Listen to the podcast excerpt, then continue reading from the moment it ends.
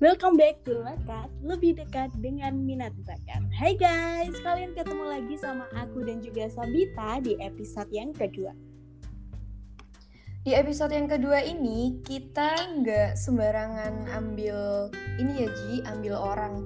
Jadi di episode pertama itu kalian udah tahu kan kalau ada dua cowok-cowok ganteng dari perwakilan HMPR.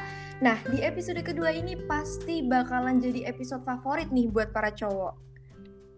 Ya karena kita kedatangan narasumber dari mahasiswa HMPR 2020 yang cantik banget. Gak cuma cantik nih Ji, kayaknya dia yeah. ini juga punya segudang prestasi. Wow. Siapa lagi kalau bukan Miss Bahul Rifani? Hai. Aku ralat ya, mahasiswi. iya, oh iya. Selamat yeah, datang yeah. ya, Van. Ini gimana nih kabarnya Miss Bahul Rifani? Oh, mungkin panggilnya Fani aja nggak apa-apa iya, ya Jian, Sabita. Alhamdulillah kabarnya kabar baik. Kamu sendiri gimana? Eh kalian salah? Alhamdulillah aku juga baik di sini tapi agak nggak enak juga soalnya nggak bisa keluar nggak bisa ke mana-mana nggak kayak biasanya sering nongkrong iya harus Tuh. anteng dulu ya bener stay safe aja uh, btw Fani lagi ngapain nih hari ini Hari ini ya seperti biasa bangun tidur agak siang ya kan di liburan ini. Terus baru selesai siaran juga. Terus ya udah lagi feel free aja ngobrol-ngobrol sama HPR kan. Oh bener-bener. Oh kita nggak ngerepotin kan ya? Aduh ngerepotin banget. Terima kasih banget ya udah ngeluangin waktu bisa yes. uh, di podcast uh, minat bakat seneng banget seneng banget dengan Jadi guys, hati. Mm, dia itu benar-benar sibuk banget kayak kita tuh harus atur schedule gitu gak sih Jian? nggak nggak nggak itu agak berlebihan ya Mbak Sabita. oh ya terus kesibukan kamu akhir-akhir ini apa nih Van?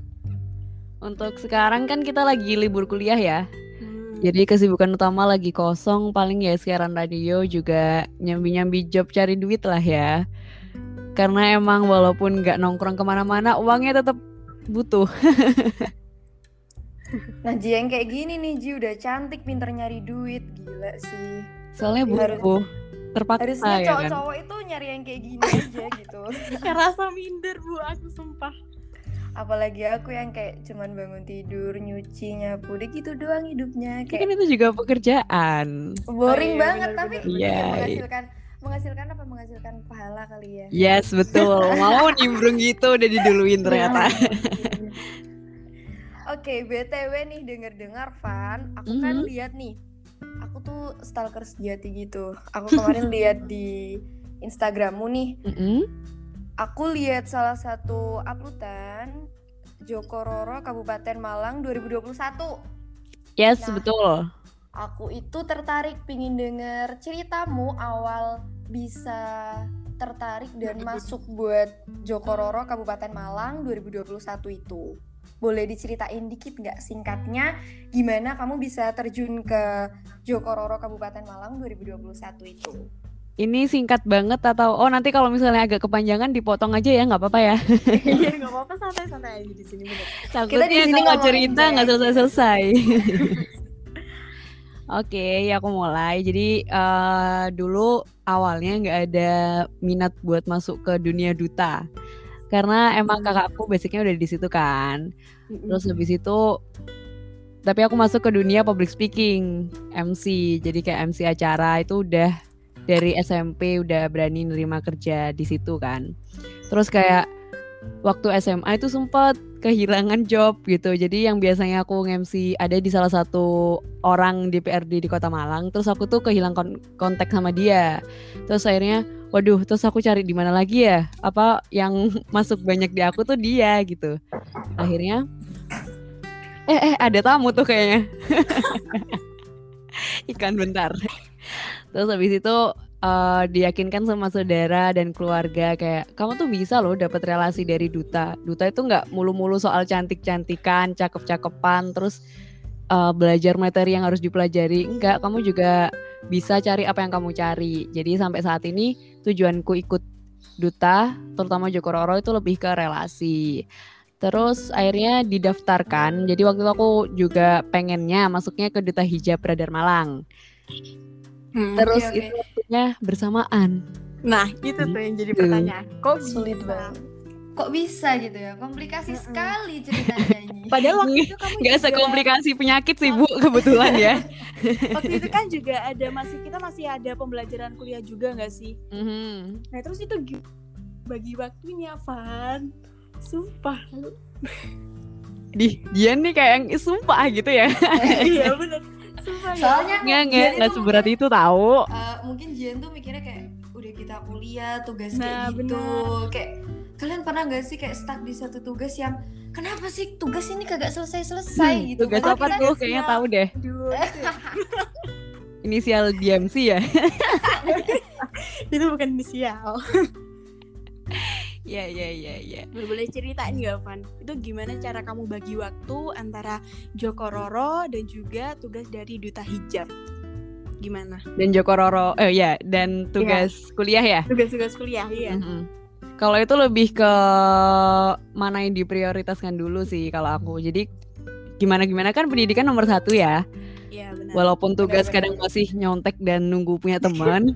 Itu manusiawi sih. Jujur. nggak bisa bohong saya ibu, mohon maaf. Iya, siap, siap. Tapi ya itu balik lagi. Jadi mana yang sekiranya harus diselesaikan dulu itu yang harus aku kerjain dulu gitu. Pokok apa yang udah aku pilih, ya itu yang harus aku pertanggungjawabin gitu loh. Kalau aku udah berani milih banyak kegiatan, ya itu tanggung jawabku untuk menyelesaikan semua kegiatan itu. Begitu. Jadi sadar aja kalau itu udah Hmm. pilihan pilihan aku. Aduh, belibet. Hmm. Nggak apa-apa, haus ya. Ya, kebetulan ya. Boleh Kadang- minta minum gak sih? Ini gak ada sponsornya ya? Ah, nanti nanti minumnya ampun. kita send via ini via Gojek. Oh iya beneran ya. Kita Aku tunggu berjauhan ya. Jadi Aku Tapi send alamatnya pakai- sekarang. Ah, pakai uangnya pakai uangnya Jian dulu ya. Astagfirullah. Jian, benda- Jian bendahara soalnya kan. Oh iya benar benar benar. Uangnya banyak banget itu. Curiga ntar aku dipesenin Gojek tapi bayarnya cash. Sama aja ya. Terus nih Ivan ya kan Mm-mm. kalau biasanya setauku nih ya, sok tahu banget anjir. Setauku apa-apa. tuh kayak eh, biasanya kalau ikut kayak gitu kan kita pasti ketemu sama lingkungan baru, temen Mm. baru. Nah, itu tuh rasanya gimana sih pengalaman apa yang sebutin aja satu pengalaman yang kamu itu nggak bisa lupa kayak ih gila asik banget ya ikut kayak gini kayak gitu tuh boleh di spill satu pengalamannya nggak gitu Oke. Ini agak cerita atau cuma kasih tahu aja? Iya, Cerita aja nggak apa-apa. terserah boleh Di sini kita nggak Takutnya ntar capek hostnya, aduh ngapain sih ini orang ini ngomong Nggak mulu apa-apa. gitu. Enggak ya? ya dulu eh, aku tuh orangnya sebenarnya bukan orang yang gampang bersosialisasi dulunya. Tapi karena kebutuhan akhirnya belajar untuk gimana sih eh, cara bersosialisasi sama orang baru. Apalagi kita online kan waktu itu masuk kuliah ya kan. Angkatan COVID-19. Jadi harus berusaha untuk belajar bersosialisasi dengan cara yang berbeda. Dan untuk memutuskan duta ini kan salah satu tujuannya enggak sih? Lebih ke tujuan utamanya kan emang relasi kalau aku. Dan peristiwa yang bikin aku wah aku merasa bahagia sudah memilih untuk ikut di dunia duta ini itu karena dapat relasi kerja. Balik lagi tentang uang ya, mohon maaf. Jadi di UB Radio kan ya udah ketemu orang-orang baru. Terus habis itu ternyata banyak banget senior dari Joko Roro saat ini ya. Itu tuh aku Mhm. ketemu di UB TV. Nah, di situlah jalan lapangan pekerjaanku saat ini datang seperti itu. btw ini definisi jodoh pasti bertemu ya Ji Waduh, berat berat berat Iya, bener, berat. Kayak kalau udah jodoh itu pasti ada aja jalannya Mm-mm. Iya dan ternyata di UB TV juga nggak senior Joko Roro aja, tapi senior Duta Hijab juga ada di situ. Jadi ya kayak wow dunia sangat sempit ya. Isinya cuma itu itu aja sebenarnya. ya gitu. Hmm, iya Fani. Terus aku lihat ya di story story kamu tuh lagi sibuk banget nih sama UBTV. Ada proyek project apa nih? Boleh Udah- nggak? Udah Apa- selesai sih Iya. sebenarnya.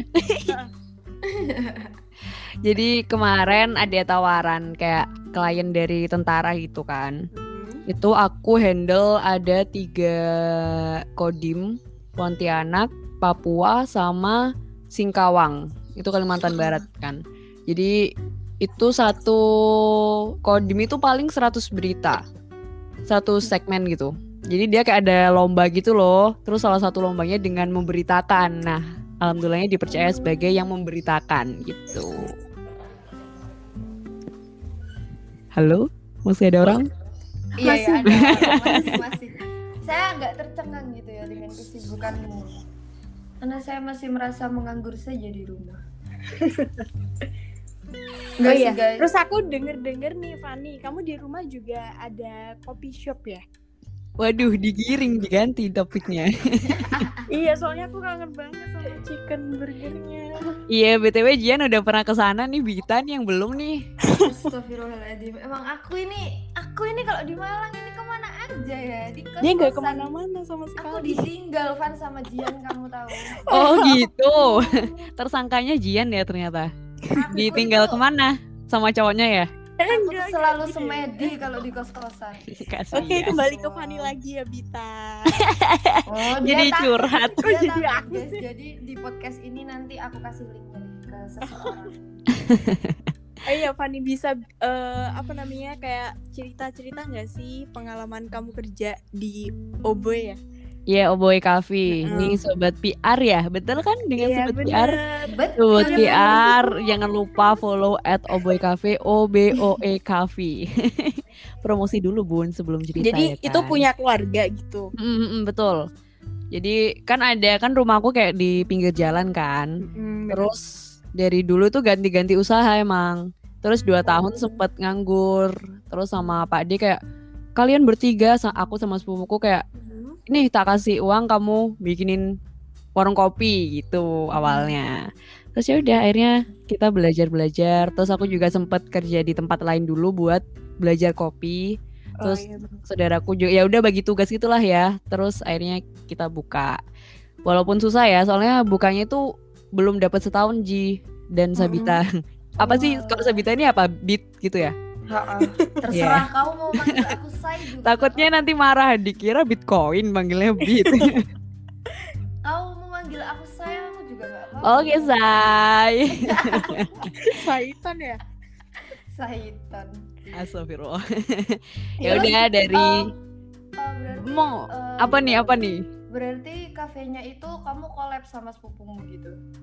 Iya, kalau misalnya ownernya bukan kita, tapi kita yang em, jalanin dari awal sampai akhir. Gak tahu apa istilahnya ya. Oh, Tapi ya kita yang tahu seluk beluknya lah gitu. Asik sekali. Iya, Jadi- tapi masih tutup tahu sekarang Oh, PPKM. Jadi Oh iya ya, iya bener. Ya Allah semoga cepat selesai juga ya. Iya nih pandemi semoga segera selesai. Iya, Kita buru-buru main ya. kaum- i- Iya, kaum mahasiswa ini sudah lelah dengan segala rebahan. Padahal, Bagi eh, padahal kalian pernah gak sih kayak kayak dulu tuh mikir gini capek banget sekolah keluar keluar rumah sekolah les kayak gitu kayak capek banget kapan ya aku libur panjang terus rebahan nah ini dikabulin terlanjur Dikabulin. Sekarang bingung ya kan? Kapan Nah, masuknya? bingung gitu kadang Tuhan kayaknya ini manusia minta libur sekarang minta masuk Kelewat ini liburnya, Ibu. ya begitulah saudara-saudara ya sobat-sobat ya manusia tuh memang selalu kurang Waduh, jadi tausiah ya, Ibu. Iya. back to Amin. topic nih back to topic nih Oke, oke, oke. Eh, terus eh, duta hijab eh aku juga pernah lihat nih bentar di IG itu aku lihat kamu kayaknya itu lagi apa ya branding branding apa itu kayak pegang lipstick gitu Nah, itu iya, apa sih bener. Aduh, Kayak malu. gitu. Gitu loh, Pan. oh Van ini tarik kan aku stalking kayak juga sih di situ kayak dia tuh tanya "Ih, siapa temen gitu kayak akhirnya aku yang kena body shaming gitu ya kan temenku kok cantik kok aku gini Maaf ya. terus aku Jadi ya ini cantik tapi nggak cuma cantik doang Iya kalau aku ya nggak tahu multi talent. Amin, amin. Amin, amin, amin, amin. Berharap sekali. Lah itu boleh diceritain. Itu salah satu project apa sih Van gitu? Ah, jadi itu salah satu brand gede sebenarnya ya kan. Pasti teman-teman tahu kan kamu ini apa? MS Glow. Ya, Oh, tahu, tahu, tahu. Oh, yang lagi booming banget ya. Ya, iya, betul. Tapi itu kayak peranakannya MS Ko- Oh, Cosmes- iya. Kosmetik namanya kalau nggak salah, Oh, MS iya, iya. Kosmetik. Jadi itu kayak lagi ada featuring duta hijab, terus Mhm. dari beberapa dari duta hijab tahunku dipilih buat jadi modelnya dia. Tapi kayak ya udah, cuma seri Ramadan. Soalnya kan membawa hijab gitu. Oh. Terus ya udah, akhirnya gitu. Ya semacam semacam job kecil-kecilan lewat gitu. nggak apa-apa ya Ji yang penting kan menghasilkan uang gitu Ji. Benar. Iya. Tujuan pertamanya emang uang kebetulan. Iya. jadi buat para cowok itu ya kita wanita itu bukan wanita Kayaknya insecure deh cowok-cowok mau deketin kita itu kamu kan. eh, eh, kita itu sebenarnya enggak Ji gini Ji sebenarnya kita itu realistis gitu. Manusia Oh itu iya, butuh kita itu perempuan tuh ya kebutuhannya banyak. Skincare make up. Lah kalau kamu minta perempuanmu cantik itu ya ya harus ada uang gitu. Oh, Ternyata larinya ke kayak situ, Bita. Kayak dia bener gak sih guys tapi ini Iya, ya bener, buat bener, bener. pendengar kita aja sih sobat PR yang cowok bahwasanya kita itu realistis gitu bukan kita tuh gak matre gitu tapi aku tuh jujur ya Oh. dari dalam hati tuh iri gitu sama Fanny kok bisa gitu dari sekarang umurmu berapa sih Van? Em, kebetulan 16 tahun. bohong. Aku 15. Hoax, hoax, hoax. Ternyata kita masa SMA ya. Iya, masih. Aku Saking masih SMP aja udah kakak, aku kuliah. masih SMP kayaknya. Nggak, nggak 19 tahun, 19. Ya seumuran lah ya. Kayaknya aku kayaknya. Kayaknya aku enggak deh. Kayaknya aku paling sesepuh di sini. Oh iya tak. Enggak, enggak juga kita sama Bit. Kamu jangan gitu deh. Jadi aku panggilnya Mbak aja nih. Jangan Mbak. Mbak Jian Jangan dan Mbak Bita. Kamu jangan kelihatan tua juga sih, Van. Dek aja. Ya beda setahun kan? Di umur 19 tahun kamu bisa menghasilkan uang itu it's- Heeh. menurutku keren banget sih Van. Terus sejauh ini, sejauh ini antara kuliah sama kerja tuh pernah nggak kamu ngerasa kayak stuck kayak ih capek banget kayak apa kurangin satu ya nih kegiatannya atau gimana gitu. Atau kamu mungkin reschedule kayak kayaknya aku nggak dulu yang ini deh aku yang ini aja dulu gitu. Pernah nggak ngerasain itu Pernah dong, pasti pernah. Kan dengan sibuk kesibukan sana sini pasti ada yang dikorbankan kan. Dulu juga ini agak cerita ya, flashback iya nggak sedikit. apa-apa santai aja Yoi. Jadi dulu awal-awal waktu karantina Duta Hijab sama Jokroro itu juga barengan. Dan ada salah satu dari eh, dua paguyupan ini yang intinya itu mengarahkan aku ikhlasin aja satunya kayak gitu loh. Jadi Oh, kayak terus? kamu kalau kamu mau berkompetisi pasti ada yang harus dikorbankan. Nah, maksudnya dia itu mengarah ke kamu keluar aja yang satunya gitu loh. Oh iya iya paham paham. Tapi balik lagi kan apa yang aku pilih, apa yang aku tanggung jawabkan. Jadi kayak itu sempet banget beberapa hari kayak gak bisa tidur gitu. Ini nggak apa ya bahasa Jawa. Gak apa-apa. nggak apa-apa Ya, kayak nggak bisa bingung, tidur. bingung gitu Kayak ngelamun. terus kan pakai bahasa Indonesia gitu.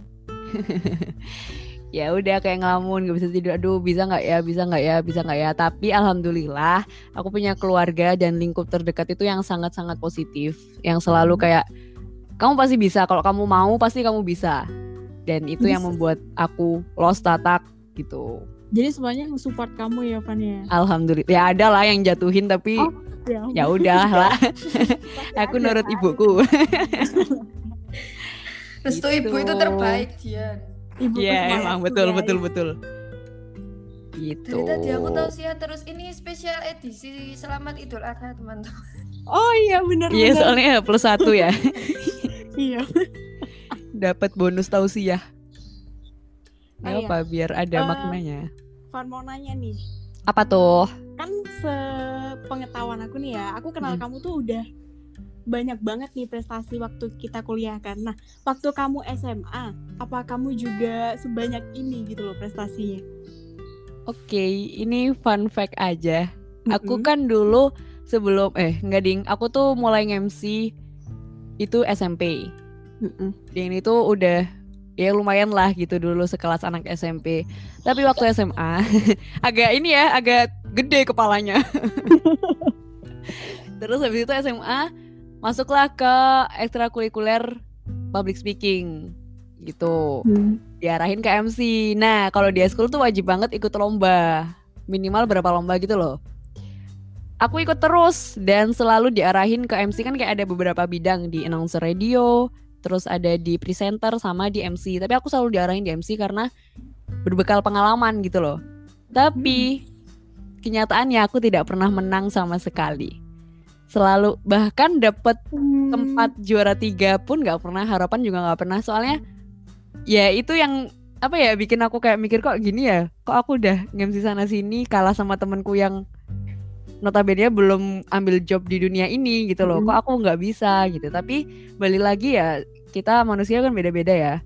Mungkin kalau aku sekarang penafsiranku mungkin gara-gara vibesnya kita dapat uang which is kerja itu tanggung jawabnya kan ke orang yang sebagai klien sedangkan Iya, kalau kita lomba itu tuh di hadapan juri dan saingannya kita yang bakal ngelakuin hal yang sama di waktu yang berbeda aja kayak gitu Dan Gitu. waktu itu waktu kamu bener-bener gak dapet juara sama sekali, itu kamu Hmm. pernah put- eh, kamu putus asa banget gitu, terus berpikiran aku nggak mau ah di sini lagi kayak gitu. Pernah gitu nggak? sempet. Kalau kalau kerjanya enggak kalau di jobnya enggak tapi kalau di uh, lomba-lombanya Lomba-lomba ya. sempet. Akhirnya lomba terakhir itu aku banting setir ikut yang penyiar radio tapi tetap kalah. Tapi ya nggak apa-apa sih. Eh, tapi kan dilihat sekarangnya ya, sekarang udah jauh ya belajar. Dari situ belajar lah ya. Benar. Sekalian ya kita nambah-nambah ilmu dikit. Iya benar. Kadang pengalaman itu pelajaran paling berharga.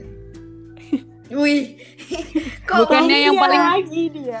bijim bijim ini bukannya yang paling berharga itu keluarga harta yang paling Keluarga cemara. adalah keluar kasihan ah sobat PR suaranya fals soalnya. Padahal aku tadi dengerin ceritamu tuh ekspektasiku, wah ini kayaknya sering dapet juara, tapi Nah, ternyata benar. ya kembali lagi ya ke kita gitu. Belum tentu yang terlihat sempurna itu harus yang terus gitu kelihatan sempurna. ada naik Yes, turunnya betul. juga, guys, sobat PR. Nggak Jadi- kayak nge- nggak kayak ngepet gitu jalan gampang terus dapet uang gitu. iya itu jalur haram soalnya Ya ampun. emang yang haram-haram itu sering menggoda yang dosa itu menggoda. Oh iya Fani, Eh, mungkin Fani ada sepatah dua kata kata buat sobat PR. Mungkin teman-teman mahasiswa yang lainnya yang mungkin dia itu punya prestasi, tapi dia nggak mau nunjukin gitu loh Van. Masih apa ya malu? Masih kayak minder, Oh, minder. kayak Itu aku tuh punya bakat ini tapi aku Mm-mm. kayaknya nggak bisa deh. itu banyak banget sebenarnya di sekitar kita tanpa kita sadari. Nah, boleh nih Van, kamu ngasih eh, apa ya quotes buat dia, buat mereka, Waduh. buat teman-teman nih. Jadi, saran gitu bagaimana teguh mereka ya? bisa ha, bisa menemukan jati diri mereka gitu kayak Miss Bahlul bisa. Tengku ya. ya aku coba ngomong ya tapi kalau salah ya dimaklumi Enggak apa-apa. Eh, sekarang nih atau besok Eh, lusa tahun depan juga nggak apa-apa oh iya iya oke sekarang oke dong, kita nungguin anjir. Oke. Kalau dari aku ya kayaknya tadi udah berkali-kali aku sebutin apa yang kita pilih itu yang harus kita pertanggungjawabkan. Itu untuk membantu kita untuk membagi waktu di sela-sela kesibukan yang kita punya. Nah, kalau untuk bakat sendiri, sebenarnya bakat itu bukan sesuatu yang ada di diri kita loh, teman-teman. Tapi itu dari apa yang kita ciptakan, apa yang kita suka gitu. Kalau aku juga dulu kalau nggak ditunjuk jadi MC sama guruku, aku nggak bakal jadi fan yang sekarang. Dari situ aku memupuk belajar ini itu ini itu sampai akhirnya aku bisa menggapai apa yang aku pengen gitu. Wah. Waduh, waduh aku rodok malu. deep banget deep banget ini deep talk banget dari kita Malu. wow. ya Keren gitu, banget, maaf ya agak kayak ini kalau dilihat mukanya sebenarnya salting. Seneng banget kita sebagai teman-teman kamu, Van, punya temen yang amat sangat berprestasi kayak gini. Jadi kita juga ikut belajar juga dari kita juga jadi ikut termotivasi kamu. juga pasti Hmm, bener banget. Oke. Ternyata Ternyata kita udah lama ya, hampir setengah jam, Bu. oh iya hampir setengah jam nggak apa-apa ini episode spesial Oh iya, bener-bener. Katanya 20 jam ininya. Durasinya. 20 jam tinggal tidur. Kita kemarin tuh kayaknya ngomongnya soalnya sama cowok Jian jadi kan Oh kita iya, kayak ya udah kita ya. heeh, Oh, aku kayaknya Kalau sekarang apa? Kebanyakan ngomong ya malahan. oh, kebanyakan gibah. Iya nggak apa. Bonus lah ya gibah itu bonus. iya, bener-bener bener. biar kalian tuh nggak bosen gitu dengerin Iya, kita ngomong. kita nggak terlalu Hmm. serius-serius amat gitu, sobat. Hidupmu Piar. jangan sepaneng, mari ngopi di kafenya Mbak Fani. Waduh, apot lur. Iya ya betul aku tunggu ya, Bita. Jangan ngomong aja lu. Tak Iya, jemput loh Iya ini. beneran, beneran. Aku Jiani ngomong chicken chicken nih aku lesu banget. Oh, di sana banyak yang enak-enak kok. Santai aja. Iya, Semoga betul. pandemik ini segera usai. Aku segera Amin. ketemu kalian. Biar kita bisa keluar Amin. lagi. ke Eh Bita Malang kita lagi. udah pernah ketemu gak sih? Belum ya? Belum sama sekali. Tiap anak-anak kumpul itu kenapa nggak pernah ada aku gitu? Iya sedih. ya udah nggak apa next time. Aku pulang, kalau nggak aku pulang pasti aku nggak bisa ke Malang. Ya sedih ya bun. Jian nih marahin Jian nih. Kenapa aja? Parah sih Jian. Jian parah sih emang. Kau oleh ngono ji, kau oleh ngono ji. Iya ya santai. Santai guys. Padahal Oke. deh kalah lapo Ini udah mau udah mau setengah jam nih. Mm-mm. Kita mau di sini aja atau Kayaknya eh Fanny juga sibuk nih, ada aktivitas lagi kayaknya Bita. jadi terima kasih saya ucapkan untuk Fani. Ya, terima kasih kembali Terima kasih Jian, Sabita, dan juga Sobat PR di mana pun kalian berada. Ya, makasih udah mau mampir di lekat. Iya, see you.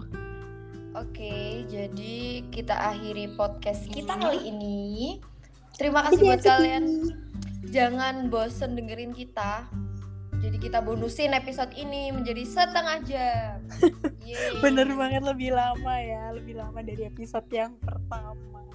Jadi Spesial. kalian sobat buat sobat PR tetap jaga kesehatan, tetap Hmm. patuhi protokol kesehatan. Dan Jangan jangan lupa sedih. Jangan sedih karena di episode nanti kita bakal ketemu di episode episode selanjutnya dengan narasumber yang sangat spesial. Dan pasti narasumbernya tidak biasa ya Jian ya. Iya, bener banget. Buat Fani aku ucapin terima kasih banget sesibuk itu mau Meluangkan waktunya oh, Enggak. kita. Lagi nggak ngapa-ngapain kok, nggak apa-apa. Biar Bohong agak sok-sokan ngomongnya berguna aja ya kan. Oh, iya. Makasih kembali ya, Iya, Jian, Bita, udah mau ngajak aku ngobrol bareng. Iya. Jadi dapat ilmu juga dari sharing bener, ini bener, sih. Banyak banget quotes-quotes yang tidak sengaja juga. Oke, buat sobat PR kalau gitu see you ya, ketemu lagi sama kita di episode Episode berikutnya. selanjutnya. Bye. Bye bye.